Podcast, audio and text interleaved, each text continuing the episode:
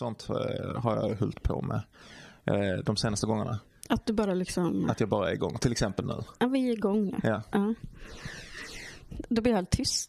Nej, men eh, vi är igång. Vi har ätit lussekatter. det var trevligt. Men eh, framförallt har vi pratat redan ganska mycket med dagens gäst i köttet som är Maria Mausbach. Hej, hej. Hej, varmt välkommen. Välkommen, välkommen. Tack så hjärtligt. Eh, ibland säger man så här presentation onödig och jag känner nästan lite så med dig. I, i- som i, I Malmötrakten i alla fall är du en mycket känd profil. Man känner igen dig från krönikor i både Sydsvenskan och Dagens Nyheter.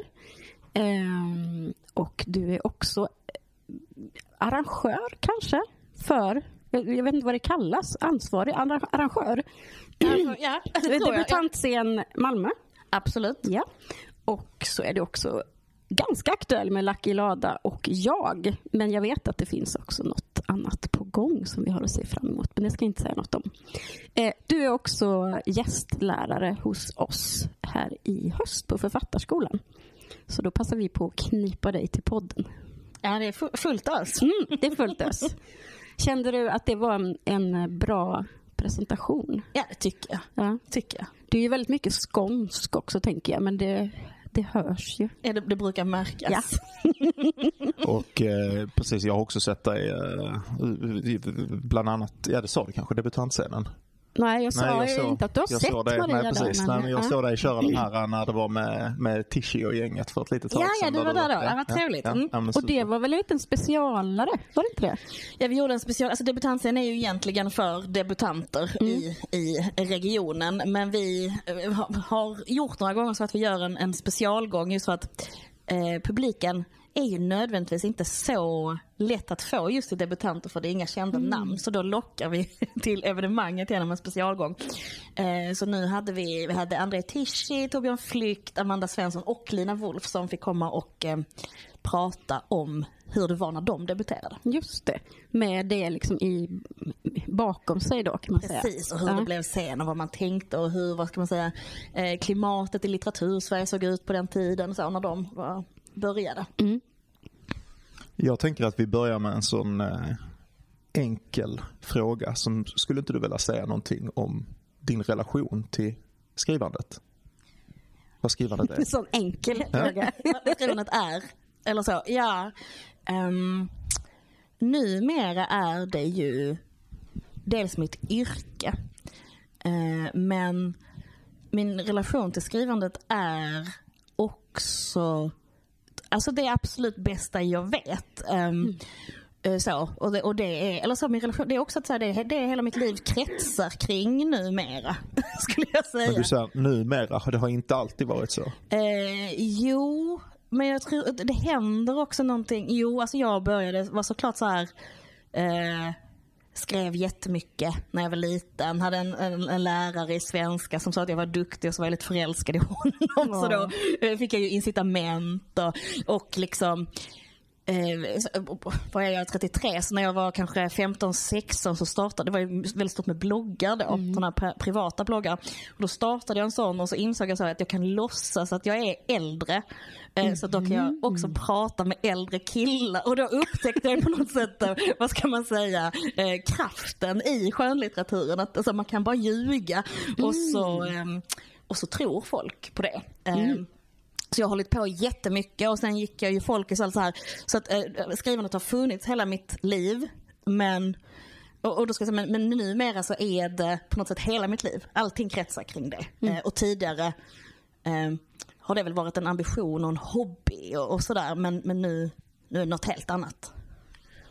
Hur har det förändrat relationen till skrivandet för dig? Att det nu är, om det har gjort det? Eh, det har förändrat relationen så att jag ehm, eh, gör det inte lika mycket så eh, på lust samtidigt som det är mer lustfyllt ändå. Eh, och att jag har tid att öva och att aktiv, att jag kan lägga, vad ska man säga, arbetstid på att bli bättre på ett mycket, mycket mer medvetet sätt. Alltså, och att jag nu förhåller mig till skrivandet så också som att med språket och skrivandet är ett instrument som det är min uppgift att öva på och bli bättre på och ta kontroll över. Och jag tror att när eh, jag började skriva och var yngre så var jag nog lite mer sådär som man kan vara, ja men det är liksom, man har det språk man har och liksom tanke mm. om, ja men, men, men talang och sådana saker. Um, men nu är jag otroligt bestämd i mitt arbete och aktiv i att, eh, att liksom vara författare. Och att skrivandet också är kopplat till faktiskt yrkesrollen författare. Mm. Vilket ju inte var tidigare och det blir en skillnad mm. Eh, för mig. Då, då blir också, för det där är jättespännande för mig för jag tänker väldigt mycket kring liksom så här äh, vikten av ett autentiskt begär i förhållande till texten. Liksom. Och förr när jag har skrivit så har jag ibland liksom varit så väldigt investerad i att nej, men, skit i allt, alltså det ska, det ska skrivas, hur, hur det än känns så ska det skrivas och det viktiga är bara att ord hamnar på sidan. Liksom. Och sen så ibland så, så, så svajar jag över till att men det är viktigt att jag att jag känner någonting på riktigt när jag sitter där framför eh, datorn och så vidare. Liksom. Och, och, om jag inte känner något riktigt, om jag inte kan komma åt någonting smärtsamt eller någonting som faktiskt intresserar mig eller sånt, då är det kanske bättre att inte jobba alls eller sådär. Nu har inte jag det som yrke liksom. Så, eh, men, men ah, hur tänker du? Upplever du att, det, att, att skrivandet har Eh, oj, förändrats. Det här är till exempel en sån grej som man kan klippa bort. kidsen kidsen kör hårt här utanför. Ja. Nej, men, eh, upplever du att det där behovet av lustan eller något sånt minskar? Eh, eller, eh, för du, du säger så att du verkligen kan dedikera dig själv på en yrkesnivå liksom, till att, att förbättra skrivandet. Går någonting förlorat i och med det? Eller är det bara Nej, det är mycket mer bara. att det vidgar sig. Ja. Eh, och att ha tid och utrymme att lyssna på sig själv.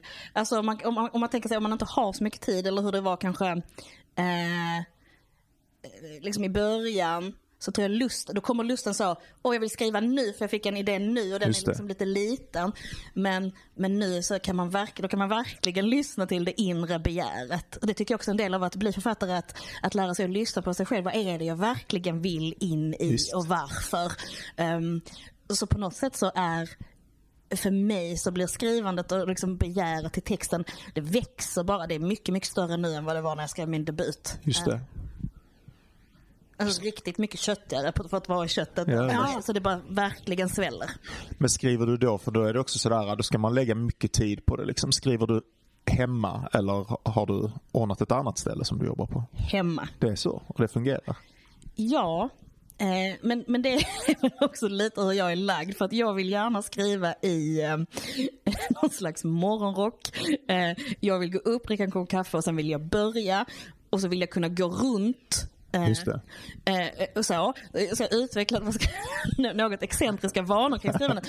Och, det låter helt fantastiskt. Men vad gör du när du går runt? Ja, men det är mer att om man sitter så behöver jag tänka eller slappna av i hjärnan. Så då kanske jag, ja, då går jag runt lite, diskar lite, kanske dammsuger, tar mm. ett bad, alltså gör något. Mm. Um, så.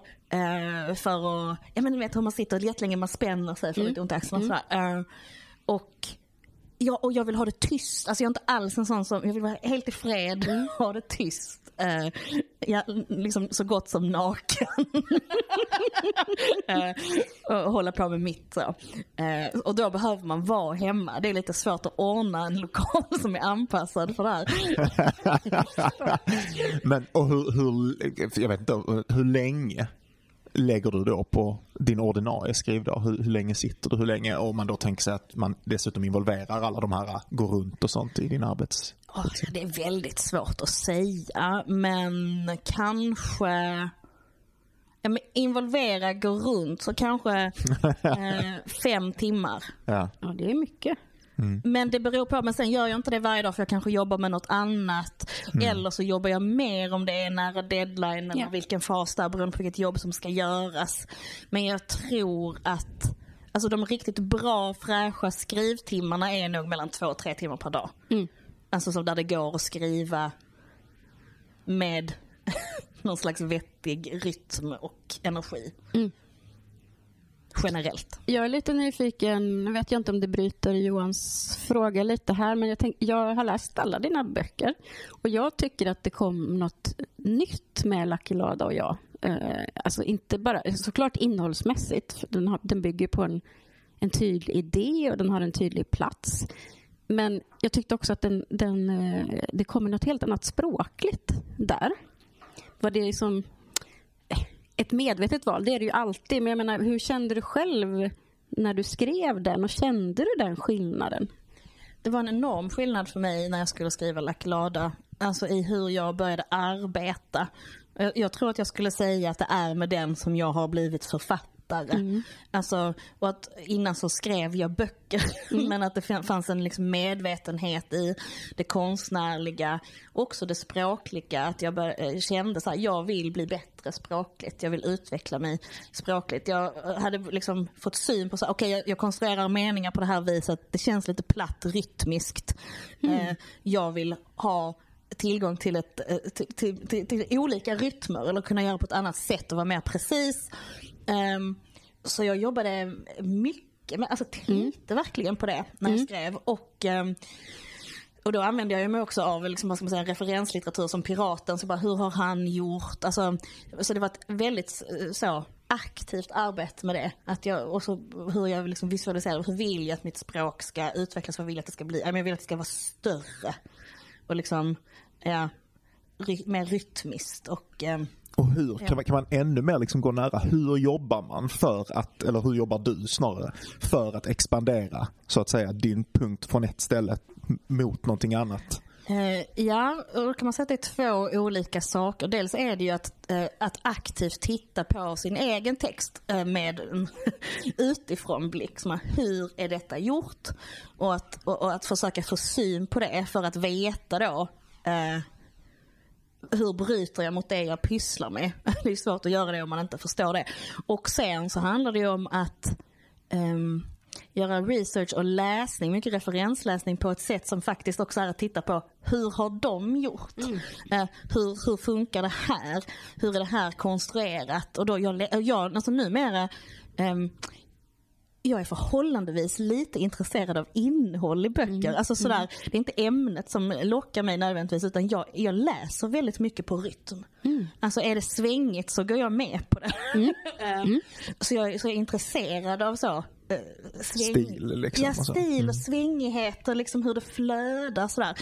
Um, så då läser jag olika saker och så tänker på hur flödar de, varför gör det så? Hur får det mig att känna som läsare? Ehm. Skriver du ner det då eller för du någon form av läsdagbok eller hur jobbar du med, med den typen av frågor? Eh, nej, det är nog bara, jag, jag gör det, tar in det och sen börjar jag direkt försöka praktisera det. Eh, det jag upplever. Du försöker mm. imitera kan man säga då? Eller, alltså, nej, nej, inte heller. Men det är mer att, eller, nej inte imitera. Nej, inspirera. Inspireras kanske. Ja. Eller, eller så som det är när man läser, att man blir påverkad av det mm. man läser. Mm. Så det kanske Visst. är så att jag söker aktivt då. Vad, är, vad, vad vill jag att min bok ska bli eh, nu?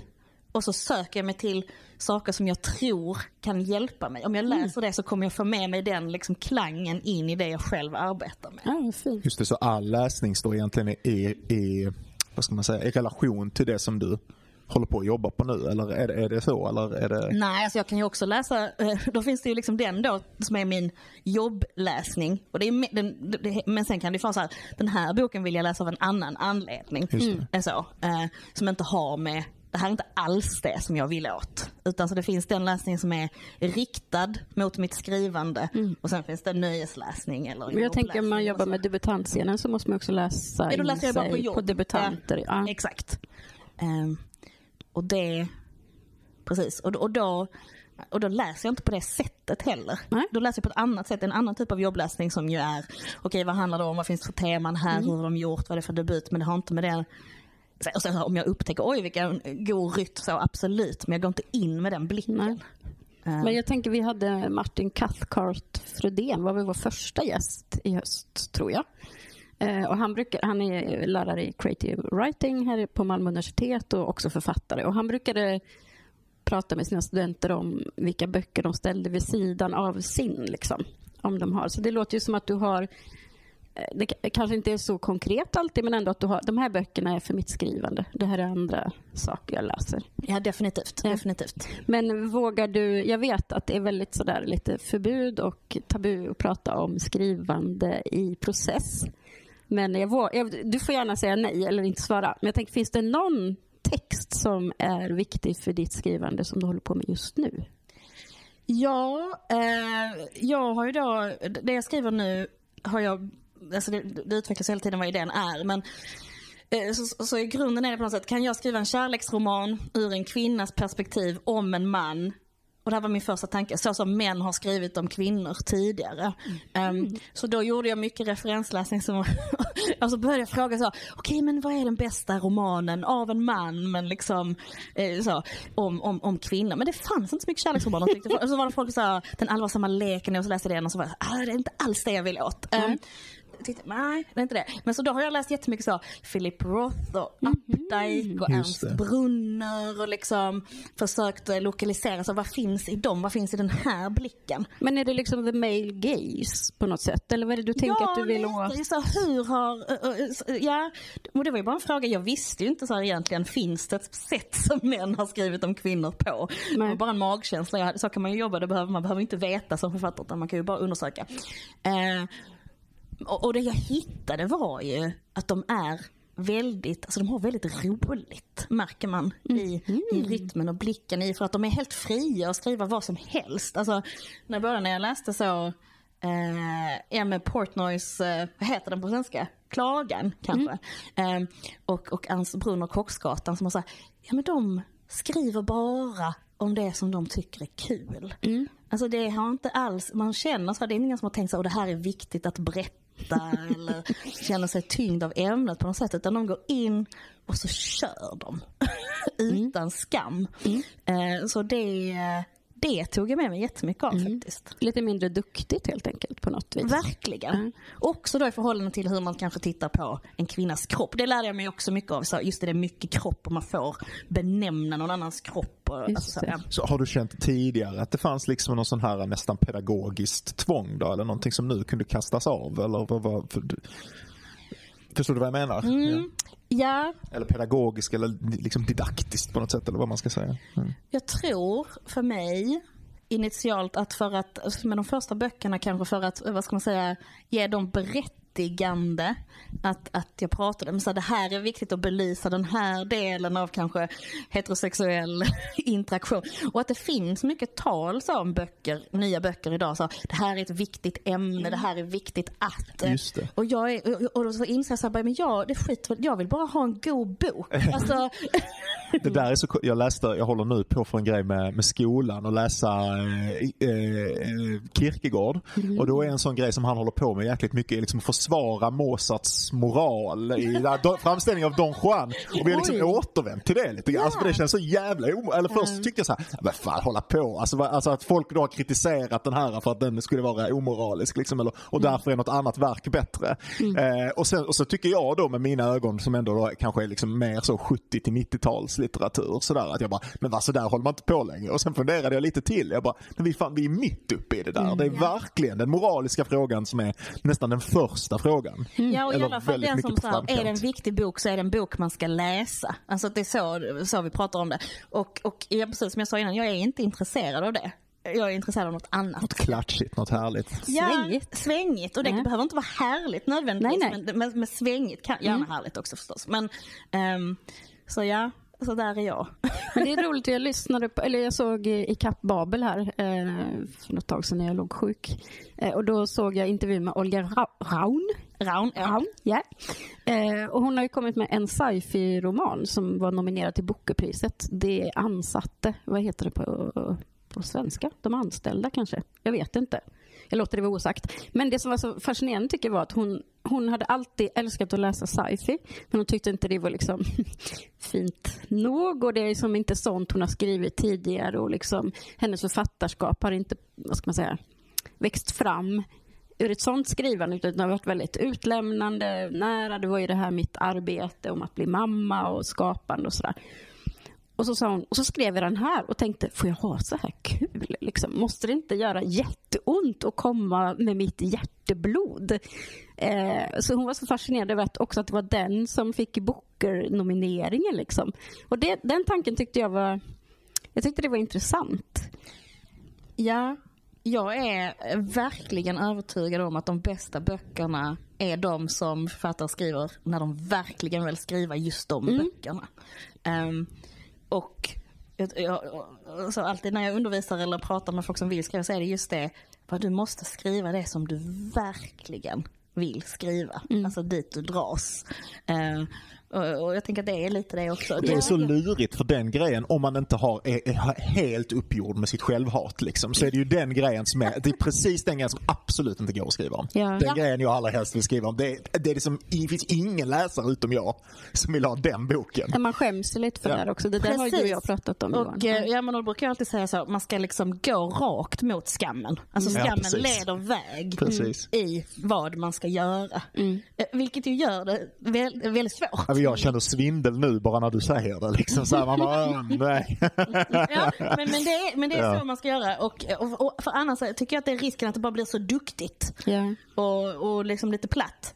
Så, så skam. Och förmätet. Alltså det finns något sånt, jag ska visa er nu. Alltså det anslaget i litteraturen. Mm. Liksom så här, nu ska jag visa er vad det moraliskt rätta eller det viktiga i livet eller något mm. sånt där är. Som om jag vet det. Som om jag har räknat ut och har det, kan formulera det i språk. Liksom. Mm. Ja, ja, eller att det bara blir så, jaha, varför har du skrivit detta? Att det saknar mm. äh, nerv eller något. Nerv eller sådär. Det där, som när, alltså, ibland brukar jag prata om så när någonting går från text till litteratur. Och att det bara är text fortfarande ja. utan att det har blivit litteratur. Det kan man inte säga exakt, vad är det? Nej, det är jättesvårt att få fatt i. Ja, ja. det tror jag då när jag tänker på det. Det är den där känslan av liksom att det är det här som ska författaren skriva. Mm.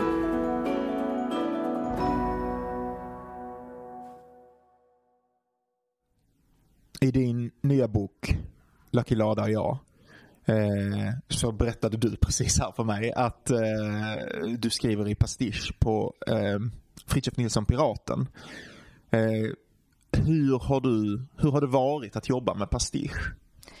Ja, alltså egentligen så hade jag tänkt från början att jag skulle skriva en parafras på Bombi Bitt och jag. Mm. Eh, men det bestämde jag innan jag hade läst den boken och sen läste jag den. eh, eh, läste den och upptäckte det är ju inte en så bra roman. Eh, jag vet inte om ni känner till det men Bombi Bitt och jag är egentligen från början fyra noveller som pirater skickade till Bonniers och precis, alltså även på 30-talet som nu så säger de att ah, noveller säljer inte mycket, kan inte du skriva ihop de här? Mm. Så man ser ju det bygget mm. väldigt tydligt. Ah, tråkigt, jag vill ju inte göra liksom en parafras på en lite halvkass. Alltså, det är en väldigt roman. bra titel. Jättebra alltså, Jag fattar att ja. man dras till den liksom. Mm. Eh, så sen efter det så var ah, men det går inte, så då läste jag hela Piratens katalog eh, och bestämde så, jag ska göra pastisch, jag ska fånga stilen världen. Um, och um, hur har det varit? Ja men då, då handlar det liksom lite olika saker. Dels är det ju alltså innehåll. Vad finns det? Och sen handlar det, handlar det för mig om att lokalisera blicken på människan. Hur är den? Uh, och sen också till viss del språket. Mm. Um, som att jag jobbade i de tre nivåerna när jag läste. Uh, och för mig var det jättebra. Um, för det tvingade ju mig att göra på ett sätt som inte var helt naturligt. Mm. Som inte kom sådär automatiskt utan jag behövde då bryta mot hur jag kanske själv skulle ha och det, gav mig liksom ett nytt urval på något sätt. Alltså det var, nej men det var jättebra. Just språkligt också att behöva um, relatera till någon annans språk. Men det här brottet då, hur för du in det? Om du märker att du börjar förlora dig i någonting som är liksom du, hur du alltid jobbar liksom. Hur ser det ut när du introducerar det där brottet? När du, hur gör man? Hur gör du det onaturliga eller det som inte faller sig av sig själv så att säga? Mm. Alltså om, om, vi, om vi börjar på nivån eh, alltså meningar. Ja, ja men kör hårt. Ja, så, det, här är nörd, det här är en ja, nördpodd. så är det att jag ser, ja men nu gör jag exakt, nu bara gör jag precis som jag brukar. Och då får, och det kan ju bara hända att jag ser det. Och då är jag så, nej okej, jag får inte göra så. Mm. Uh, nu måste jag skriva en jättelång mening om det här. Eller jag måste få upp tempot. Eller liksom, då har jag ju, man får ju veta också, måste ju lära sig teknik. Alltså hur fungerar liksom komposition. Så antingen kortare, längre meningar, annan kommenter, eh, kommentering. Då börjar jag tänka aktivt på det ett tag för att liksom komma in i en annan rytm. Um, uh, och sen så kan jag innan jag skriver också, men det handlar väl också om att så, uh, lite försöka säga till mig själv innan jag börjar vad jag vill att det ska vara. Alltså bara ge en tanke om alltså så, verket, hur jag vill att det ska liksom på något sätt smaka, kännas. Ehm. Mm. Och så har du inte jobbat tidigare? När jag började med det med Lucky Lada och nu har jag verkligen, eh, och det är som att jag också som är det jag jobbar på nu. Nu gör jag inte bara referensläsning, jag gör jättemycket intervjuer. Jag eh, liksom åker runt på saker, jag gör research på ett helt annat, nytt och djupare sätt för att ta in i boken. Så att jag tycker att ja, men det, som jag, det bara vidgas och vidgas hur, vad, vad, hur jag jobbar och vad jag kan göra. Ja. Eh, och jag tror att det är så också som nybörjare så är ju bara att skriva själva texten nästan... Tillräckligt. Ja, ja. Tillräckligt, alltså, ja. oöverstigligt att ja. få ihop. Eh, och sen så när man har gjort det några gånger så vet jag ju så, det kan jag göra. Mm. Alltså, och det gör ju också faktiskt att jag kan göra mina två första böcker har ju en mycket simpel struktur. Alltså det är presens, det är kronologiskt, det är liksom så här. Eh, och det tror jag var jättebra att mm. öva på mm. och vara i det. Och sen så nu, jag menar nu strukturerar inte jag min bok alls på det sättet utan mm. det är mycket mer alltså, rörigt och associativt. Men det vet jag också, så ja, men jag kan hantera det. Jag har redigerat ett antal gånger, jag vet mm. vad jag gör. Alltså jag har kontroll. Um, och samma sak att då kan man också göra mycket mer arbete kring um, våga gå in i något. Alltså nu skriver jag ju om MMA till exempel. Jag kan, eller kunde ingenting om MMA. Eh, men, men nu börjar jag kunna det. Mm. Eh, och det är jättespännande och då händer ju också, för det är också det som gör, det bryter man mot, går mot något man inte vet. Mm. Eh, så ja, skriva vad man vet, absolut. Men för att utvecklas som författare också jättebra att blanda det med eh, någonting som man inte vet. Mm. För så fort som nu när jag varit och intervjuat massa olika MMA-killar, jag har gått på MMA-gala, jag håller på liksom. Eh, så märker jag att det tar sig också in i språket. Mm. tar sig också in i blicken. Alltså hur man ser på saker. Så att eh, eh göra saker man inte vet och blanda dem med de man vet. Så det är också en nivå. um, så lite så jobbar jag. Ja. Och verkligen någonting som kommer in på kroppens eller sådär intuitionens nivå när du gör det här att du utsätter dig för det. Och så upptäcker du att språket egentligen inte som någon slags sån här förplanerad eller nödvändigtvis bestämd handling liksom, utan bara genom att utsätta dig för kontexten så kryper det där in i hur, vilka uttryck som blir möjliga eller någonting. Ja, mm. absolut. Uh... Jag tror att jag har lite den filosofin att författaren, alltså att vara författare handlar också jättemycket om att erfara världen. Just. Och, och, att, och att det är på något sätt det lättaste ju, brytet att göra. Som är, ja, men jag kan faktiskt aktivt med min kropp gå och göra någonting annat än vad mm. jag brukar. Mm. Men är det det som du tänker att läsaren får i andra änden av processen också? Att om jag läser din nästkommande roman nu? Får jag erfara den delen av världen genom ditt skrivande där? Eller? Ja, det tror jag. Mm. Eh, och, sen är det väl också så att, eh, och sen samtidigt kommer du ju fortfarande erfara, vad ska man säga, Maria Maunsbachs eh, eh, blick på världen. Mm. Eh, men det kommer finnas helt nya element, tror jag. Jag mm. drivs mycket av det också faktiskt. Att, alltså, hela tiden göra någonting som jag tycker är svårt eller är obekant. Mm. Att, att, att, så, um, och både rent då hur, hur ser strukturen i romanen ut men också alltså vad skriver jag om och på vilket sätt skriver jag om det. Mm. Uh, så. Alltså, och, och jag har också lokaliserat i mig själv att jag tycker verk, jag går verkligen igång på uh, att ta någonting som kanske betraktas som lite fult eller mm. lågstatus eller så. Mm. Icke högkulturellt och försöka göra det till litteratur. Mm.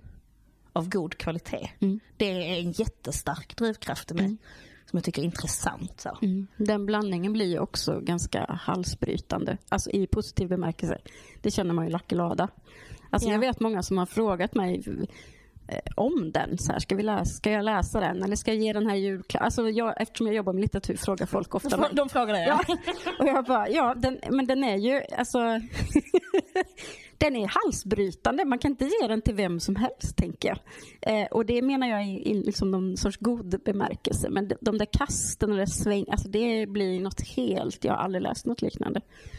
Nej, och, och, och, och med det sagt så tror jag just det där att, eh, att förstå sig själv som författare.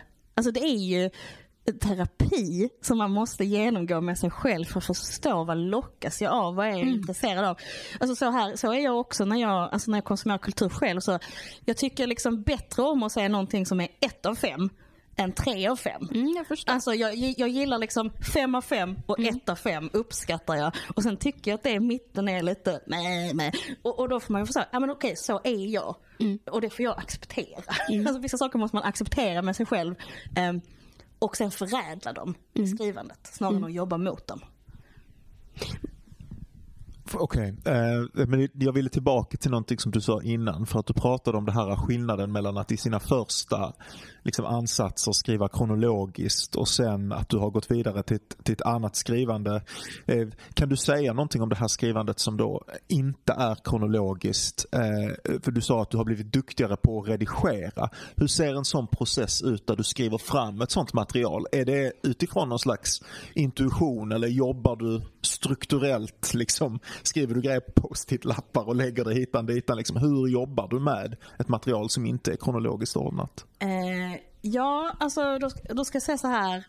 Först så börjar jag med att bara skriva. Alltså jag har aldrig tänkt ut en struktur hittills innan jag har börjat. Utan först så börjar jag och bara skriver på ren intuition och eh, liksom, Men mot en färg liksom. Ja. Det sa du ju att du hade någon idé om, eller? Det Ja, jag har en idé då som jag har grunnat på ofta ganska länge. Som är, och då är det en tematisk idé men Mm. inte en, en idé för liksom romanens struktur. Eh, Och så börjar jag då skriva på den här tematiska idén och se hur det utvecklar sig. Och sen så när jag har skrivit en del, mellan kanske 50 och 100 sidor, så, eh, så nu både i Lördag och i det jag håller på med nu, då infinner sig en, en tänkepaus. Som är okej, nu, okej jag ser de här sakerna som jag intuitivt har börjat göra. Eh, hur fungerar de ihop och vad kan jag behöva lägga till och liksom fixa med. Ehm, och då på något sätt så börjar jag bestämma strukturen. Vilka delar har, sen behöver inte det, och, det, och då när jag säger bestämma så kan det ändra sig sen. Men jag börjar tänka aktivt så, okej hur flödar det här, var, ehm, var börjar berättelsen, var vill jag att den ska sluta? Jag börjar ställa de frågorna någonstans där. Ehm, och sen så efter en ganska lång paus av sånt tänkande, då går jag in och kanske skriver igenom de sidorna jag redan har, in i det som jag har tänkt mig. Och sen fortsätter jag eh, och skriver en hel del och så någonstans, och det som jag också har gjort de här två senaste böckerna är ehm, att jag också har skaffat mig en liksom liten skrivbok efter ett tag där jag skriver upp då alla olika linjer jag har. Ehm, som då ofta är så här, eh, Mi- så här det jag på nu så kanske de heter så, Mikaels liv, jagets delar, eh, nuet, bla bla bla. Och sen så kan det vara andra saker jag vill ha med. Och sen så skriver jag där allting som jag kommer på och önskar mig och fyller liksom i den boken. Och sen använder jag den som en så jättebra om jag inte vet vad jag ska skriva kan jag bara titta där. Just det. Okej, det står att jag ska skriva mini-ananas i Thailand. Bra. och sen så men å andra sidan så kan jag också skita i den boken om jag har bra flow. Men det är som att jag sätter upp som en sån kanske eh, hjälp till mig själv.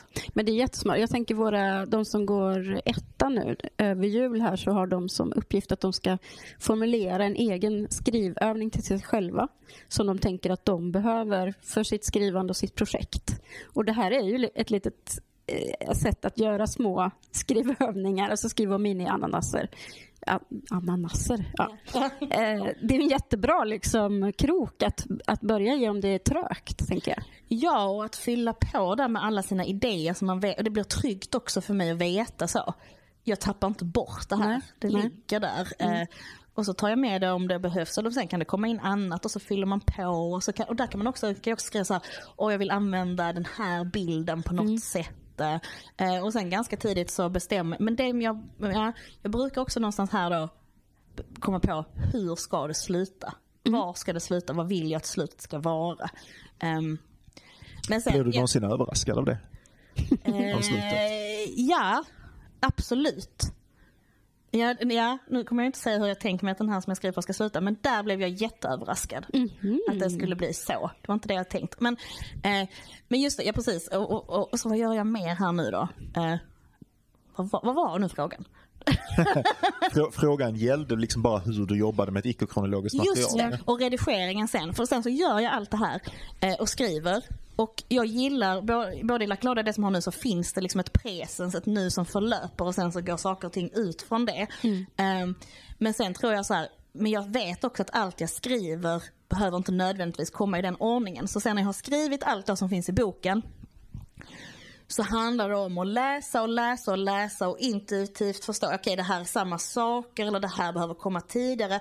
Ofta så tycker jag det är att man som författare är så här, "Ah, var väl jävla onödigt att jag skulle vara hemlig eller mystisk med det där. Jag flyttar det ti- alltså, längre fram. Jag bara, jag bara säger rakt ut så att vi kan få sjunka in i texten. Ehm, och, och, och sen i det arbetet också så kommer ju min förläggare komma in och så kommer han vara så att ta bort allt det här. Ta bort tradigt." Ja. mini, mini-ananasen. Nej, då får han inte ta bort. Men, och så kommer han hjälpa med det också. Ehm, men verkligen flytta runt. Och sen så blir det då också eh, att se vad man behöver skriva för flödets skull när det inte är icke-kronologiskt. Alltså hur måste saker och ting leda in i varandra? Och, ja, när, ska de när ska man sätta dem? Så. Men då är du inne i en mycket mer rationell fas av skrivandet, tänker jag. För jag tycker det är intressant, de som inte, eller jag vet inte om det finns några som lyssnar som inte skriver, men oavsett det så tänker jag, jag skulle vilja backa lite det här med att du blev otroligt överraskad över slutet. Vi ska inte avslöja det, det är inte det jag menar, men jag tänker så här, för, för de som inte skriver så låter ju det jättekonstigt kanske. För det är ju något som kommit i ditt huvud. Eh, och hur kan du bli överraskad? Alltså, vad, vad tänker du själv har hänt där? Alltså jag, först, jag förstår, det här är lite skrivandets mysterium också, men jag tänker vi borrar lite i det, för det är väldigt spännande tycker jag.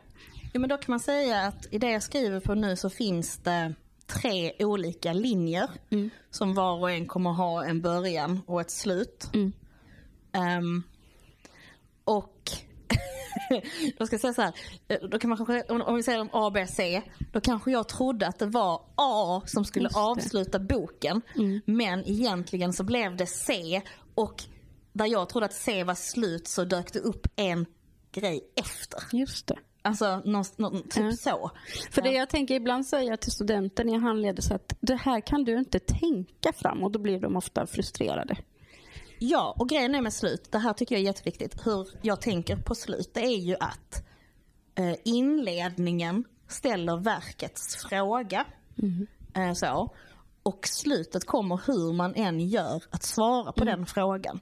Så att eh, man kan inte veta slutet förrän frågan har ställts och svarats på.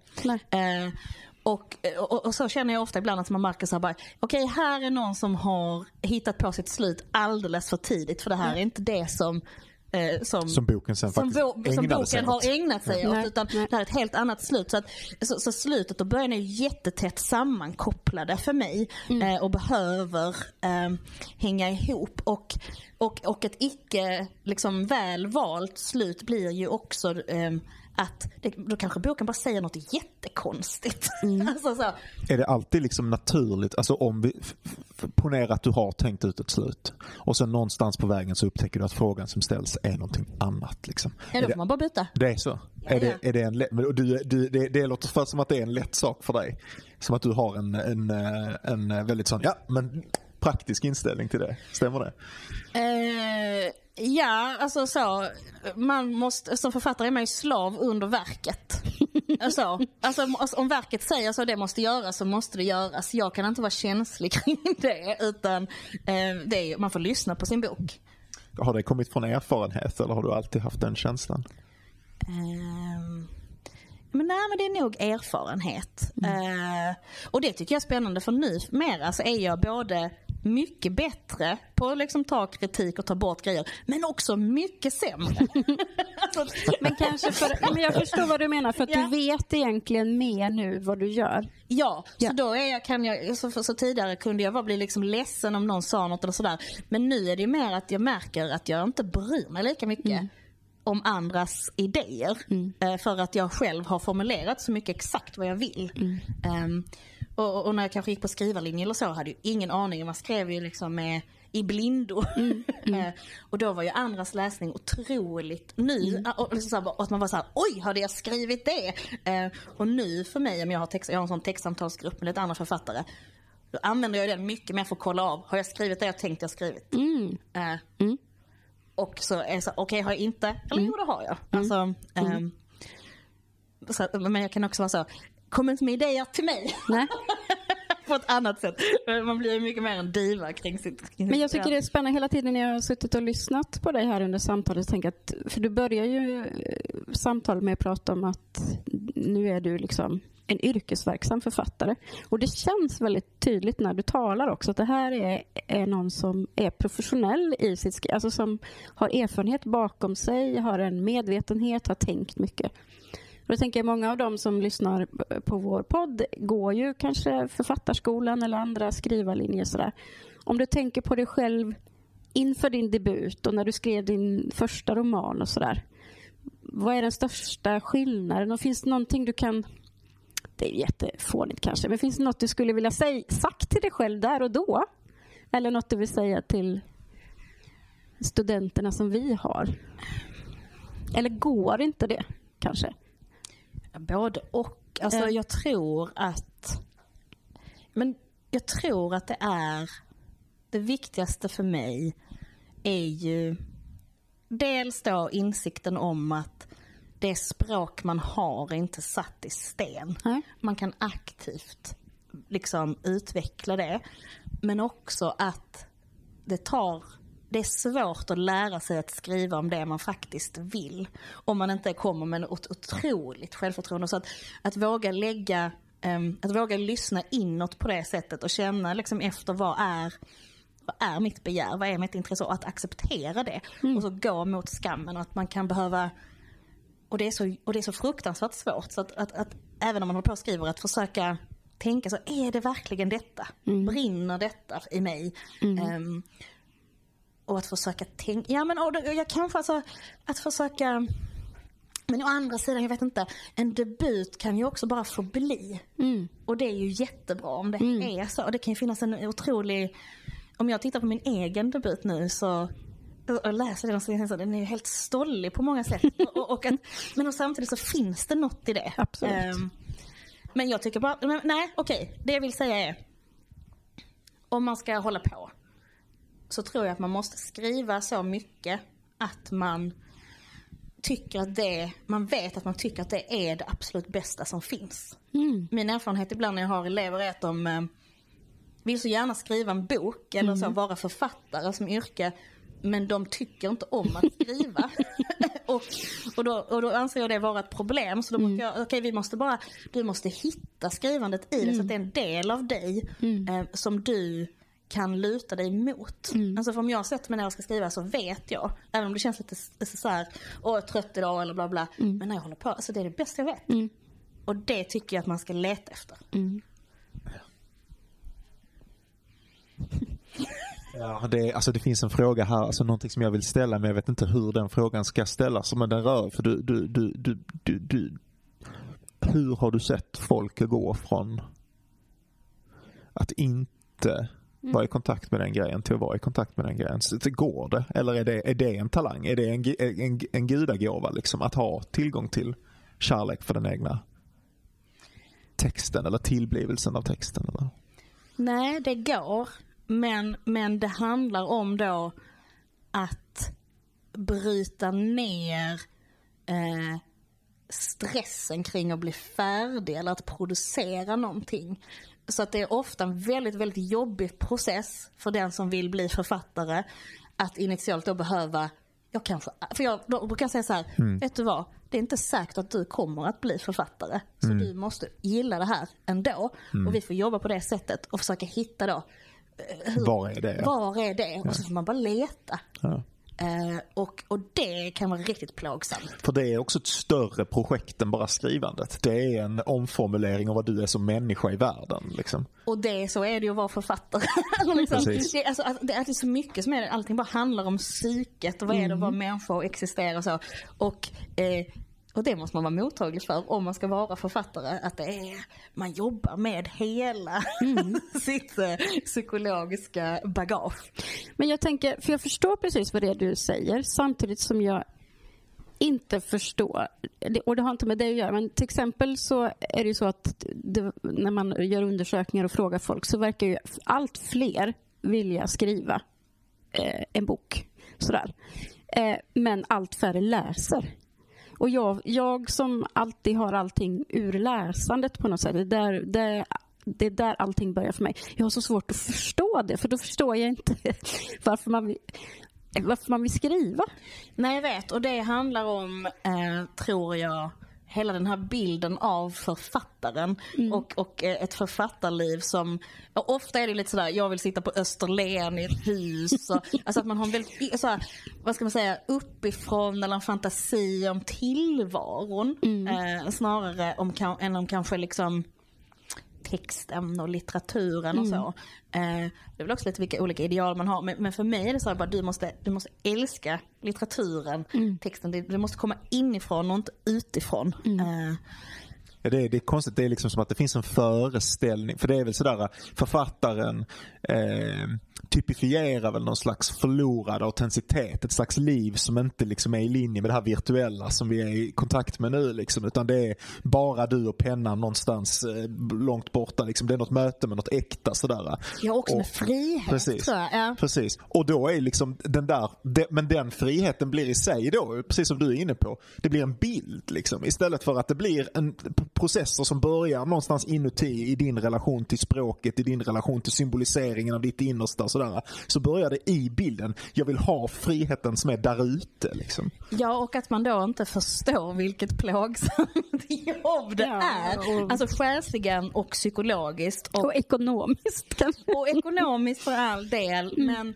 men just, jag upplever att alltså, den bästa litteraturen eller när man är som bäst författare, alltså, det ingår ju att på djupet offra saker av sig själv. Och då menar jag inte nödvändigtvis att man skriver självbiografiskt men det handlar ju om att eh, alltså, man måste ju gräva och det måste, någonting måste offras. Alltså hela tiden. Eh, för om man bara lägger sånt som är helt tryggt i texten.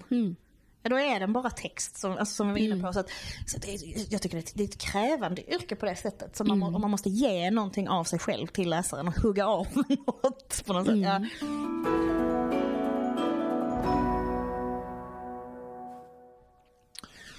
Ja, Vi, vi eh, fortsatte liksom här i pausen och prata ehm, eh, om några av de här grejerna som vi avslutade det förra blocket med och pratade kring sådana begrepp återigen då som liksom hur man lär ut eh, eh, eller hur man pratar om autentiskt begär, närvaro i konsten, eh, vad det är att hitta de frågorna som är eh, riktiga för en själv etc. Och så pratar vi om liksom svårigheten att prata om de här frågorna eh, då, jag har ju haft elever ganska lite, men jag har haft en, eller studenter, eh, har jag blivit tillrättavisad att det hette tidigare. Men jag har haft det lite grann och jag rör mig i sådana cirklar där man, där man pratar om det här och jag pratar om det med andra och så. Och ni har båda två studenter. Eh, skulle inte du Maria bara vilja, vilja kunna börja med att formulera någonting kring varför det är svårt att prata med någon som inte har hittat sitt eget autentiska begär som det ser ut i texten än. Vad det egentligen är de letar efter. För man kan ju inte bara säga du måste vara mer närvarande. För det betyder ingenting. Nej men det är svårt för att det är någonting magiskt ju med litteratur. Eh, som inte går att säga du eh, börjar och sen gör du så här och sen gör du så här och sen gör du så här och då blir det rätt. Utan ehm, varför det är, kan vara så mäktigt med litteratur är att det är någonting som uppstår liksom från författaren in i texten. Och det kan man aldrig säga till någon annan vad det är.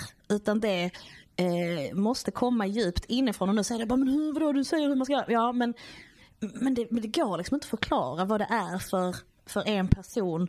Eh, för det, det, har nog varit en väg för mig men det, någon annan måste kanske göra på ett helt annat sätt. Mm. Och det är, så him, det, det, är så himla vagt också vad det där för det är bara en, eh, det är bara en känsla och en upplevelse. Och någonting som plötsligt finns. Kanske i en text som är mycket lik mm. det som man tidigare har varit. Här finns det inte. Mm. Och så plötsligt finns det. Och vad är då det? Ja, man kan inte säga vad det var. Men det finns där. Ja. Tror du att man kan känna igen någonting som är eh, när, när, när folk inte har gjort det? Okay. Mm. Eh, när, ofta då, när det inte finns, tycker jag att en rå text känns alldeles för konstruerad. Mm. Um, där jag kan se påhitten. Mm. Uh, mm. Där man är så här, jaha. Uh, när, man, när man bara kan följa så här ett skeende som, men som inte men som på något sätt inte existerar utan jag ser att det är påhittat. Mm. Eller att, ja, så så kan det vara. Eller på något sätt att um, eller att, ja faktiskt också detta på något sätt att texten riktar sig utåt på ett sätt som är att den säger så eh, älska mig, vad duktig jag är. eh, och, och, och när det där andra finns så är texten med sig själv på något sätt. Mm. Den är sig själv trygg. Mm. Um, och, och kan ju absolut vilja bli läst, det vill den ju. Men, men den vet också vad den vill. Och den vill något annat än just lite så det där underdåniga se så fin jag är. Utan, utan den, den, liksom, den är lite mer så som lava. som väller fram. Ja, ja. Och att den, ja och finns i sin egen rätt på något sätt. Uh, uh, och, och det där är ju då um, skillnaden på att vara så duktig på att skriva till att ha gått in i konstnärlighet. Och det upplever jag starkt att det är olika saker. Mm. Um, och för mig har det varit jätte, krävdes det väldigt mycket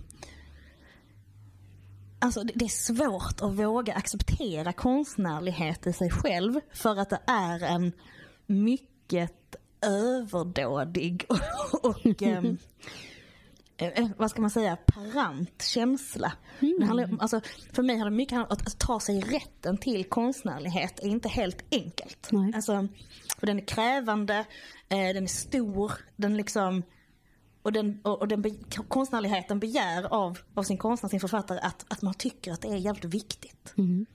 Och stort. Alltså... Och har verkligen det där inslaget av precis det där man inte vill ge. Det här berör det som vi, vi, vi sa om tidigare också. Ja. Liksom, man har, har, har alltid den och bara att acceptera då att inom sig själv finns konstnärlighet. Och att öppna den dörren. Mm. Svårt mycket lättare att vara så här, jag är duktig på att skriva, det sa min lärare till mig i skolan. Helt annan sak. Mm. Men konstnärlighet är liksom inte, för mig inte det prestation. Det är, någonting, det är också det som är, när man når konstnärligheten, det är då man ger någonting till verket.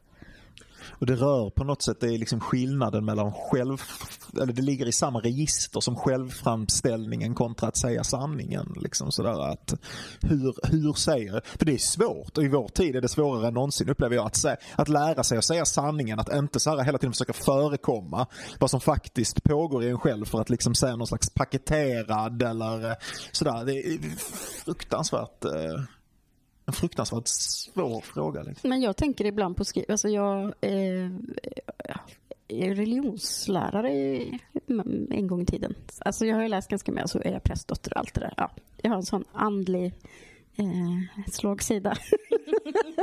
Men då finns ju det här via negativa. Eh, vissa mystiker menar att man kan inte beskriva Gud eh, utom att säga vad Gud inte är. Och på något sätt tänkte jag det här när du sa det här, liksom det mystiken, det konstnärliga, vad är det? det? Man kan inte säga det till någon annan, man kan säga det här är inte det. Ja. och det är ju såklart otroligt frustrerande som student eller elev eller eh, vad man nu är, att ta emot på sin text. Ja, det här är det inte. Nej, Nej, och vadå? Och för mig också, alltså jag tror också i, i dessa tider där det finns så otroligt mycket skrivkurser och skrivcoacher och manushjälp och liksom att, att, när det är så mycket fabriksmentalitet kring litteraturen så har jag eh, verkligen backat till att förklara det för studenter eller liksom kursdeltagare så bara ni måste tänka på litteratur som magi. Alltså, och det, och, och, och för annars så går, går det storslagna förlorat. Men jag tror också att man måste vara, det är på något sätt, sanningen är också inte så här, för det som jag, ibland tänkte jag, innan använde jag mycket mystikens språk också för att prata om skrivandet, men någonting som jag tänker är farligt som man kan smuggla med sig där är så här att man hela tiden ska ligga i extasens register eller någonting sånt där, eller skönhetens eller det evigas eller någonting. Och det blir ju också förljuget liksom, det är kanske Ja, ma- Fast jag marginellt. tänker mer förtröstan och tillit. Ja, alltså, som också är ett, ett, en stor ingrediens liksom i, i tro. Att, att liksom, jag förstår inte det här, jag vet inte det här, men jag har någon sorts för, förtröstan och tillit. Det är inte detsamma som extasen eller den otroligt starka andliga epifin, epifanin eller så, utan det finns något annat liksom. Eh, man, Och det är ju mycket att våga kasta sig ut. mm, eh, in i det för en själv okända. mm. Ehm, Och också paradoxalt nog det kända liksom. För det är också att ta med sig vardagligheten in i skrivandet och sådär. Att inte hålla på att utesluta aspekter utav varat. det Liksom. är så att Det vi är- pratar i motsatser, motsatspar hela tiden. ja, men om man ska ta med sig någonting, det tänkte jag också på, så är det att det hela tiden är både och. Ja, ja, absolut. Det är både magi och någonting extremt så konkret Ja. och praktiskt. Och det är både extasen och det vardagliga. Det är, all, det är, all, det är liksom allt. Och det är både lust och jätteroligt och gör ont. och disciplin. Och, alltså, så här, Och- det, är, ja. lika, eh, det är alltid allting på en och samma gång. Det är därför jag tycker ibland så, jag brukar använda Gun-Britt Sundströms, hon skrev ju en bok som heter Skrivliv. Just det. Mm. Jag tycker så mycket om den liksom, formuleringen. Ibland säger jag att det är det vi pratar om här i podden också, men jag brukar också säga när jag undervisar att och här när man säger både och, ja, det är ju så livet är också väldigt mycket både och hela tiden. Så att skrivliv, alltså liv och skrivande, skriv, skrivande och liv, alltså allt det där går ihop hela tiden. Och då säger det sig självt att det inte finns någonting jämnt, konstant, eh, för det är levande. Precis, och man kan inte, jag tror att man kanske ibland gärna vill det, men man kan inte separera sig själv från texten Nej. och man kan inte separera texten från det egna livet. Nej. Allting går ihop och, och, och färgas så att man får liksom, man får acceptera det. Här finns det en sån fråga som jag inte vet om jag kommer klara av att ställa. Om det här blir fu- fullständigt kaos här så får vi klippa ut den här då. Men jag ska prova att ställa den här frågan. Den kanske inte ens är så svår. Det är bara det att jag känner att det inte kommer upp en tydlig formulering för mig. Men det har någonting att göra med det här. äh, Ja, men då ska man ta med sig allting in i skrivandet liksom. Eh, på något sätt. Eh, hur skiljer man det från att bara bli en slags förklätt dagboksskrivande? Eller bara terapeutiskt? Lite höll jag på att svara, men det är Maria som ska svara. Hur, befinner man, hur fortsätter man att befinna sig på den faktiska textens, inom, inom dess?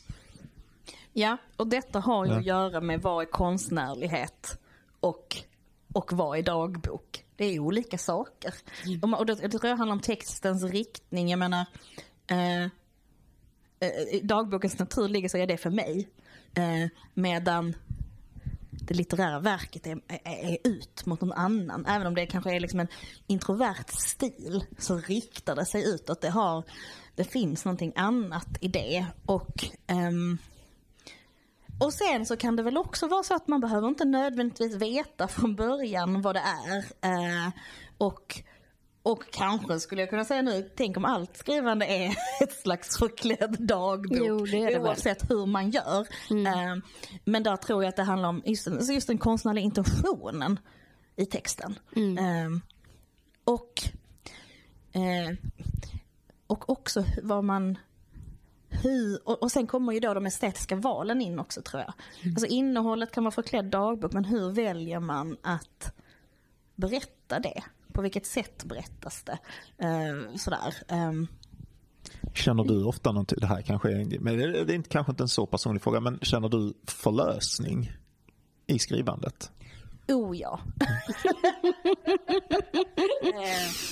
Absolut, alltså det tänker jag är faktiskt en, en, en liksom, att, att nå förlösning är en drivkraft i mitt skrivande. Att få den känslan. Eh, och gärna av en så härlig p- pyspunk. liksom. alltså att någonting släpper. Ehm, och Ja, men, och det, och, jag- men jag, jag har man hört tusen författare säga, men det är ju någonting att få titta på livet, sig själv, psyket, eh, eh, liksom via texten. Men det har väl också med det du sa, att du, du upplever att man ställer en fråga i början och så kommer man till ett svar i slutet. Det är ju en förlösning i sig, att söka ett svar på en fråga och att hitta det, tänker jag. Ja, och även om det svaret då är vet inte. Nej, nej, Alltså, absolut. så- det kan det ju vara. Och det, kan, det- är det ju ofta på något Ofta sätt. är det det. Eh, Men jag tänker på det här med dagboks... Alltså jag, det ska inte jag... Men jag, jag brukar ofta tänka på dröm... Alltså att skrivande och konstnärlighet är lite som när vi drömmer. För då, det, det plockar ju också på dagboksvis liksom saker som har flödat genom ens liv och ens dag. Dagsrester kallade Freud. Ja, just det. Dagsrester. Men det kan ju också vara livsrester, eller hur? Alltså, tycker jag. Ja, säkert. Ja. Men, man har liksom vissa teman. Man kanske drömmer om sin mamma. Eller så drömmer, men det är ju sällan drömmar är rakt av som dagböcker. Alltså det är ju inte någon realistisk återgivning utan kanske en egenskap flyttar till en annan person som är helt bara finns i drömmen. Eller, alltså så tänker jag med att man tar med sig allt in men det behöver ju inte komma ut i den form. Förstår ni vad jag menar med det? Oh ja. Eh, Och en sak faktiskt som har tröstat mig, alltså just att vi Idag alla tänker att det, är självbiografiskt, allting har hänt så. Men en sak som har tröstat mig eh, i det är att jag har insett att det är nästan, alltså om någonting är helt eh, påhittat så är det på, på sätt och vis ibland mer naket än Absolut. det sanna. Ja, för ja. det visar i vilka ramar man har för sin fantasi. Det Visst. vill säga det säger någonting om ens livsfarenhet och vem man är på ett helt annat sätt än Absolut. sånt som har hänt. Visst. Ehm, Och det verkar, alltså verkar eh, så hos, alltså det får den verkan hos läsaren också, att det får en mycket, mycket större effekt för att det bygger på någon symbolik eller en metafor eller någonting. Ja, på hur mening har strukturerats i din kropp. Så förstår vi det mycket mer än om vi skulle läsa en rak av dagboksanteckning faktiskt, tänker jag. Ja, och att och, och med, med den här insikten också så mer och mer, jag förhåller mig mycket, alltså jag tycker inte, det är inte så stor skillnad på om jag tar någonting som faktiskt har hänt mig eller om jag helt hittar på något. Eh, i, liksom, I den här gröten så blir det eh, sak samma. Eh, och, och, och klassiskt är ju också så att det är ju aldrig någon som tror på det som faktiskt har hänt. Alltså, verkligheten är ju eh, bortom fiktionens gränser. Eh, och det måste man ju alltid fixa till.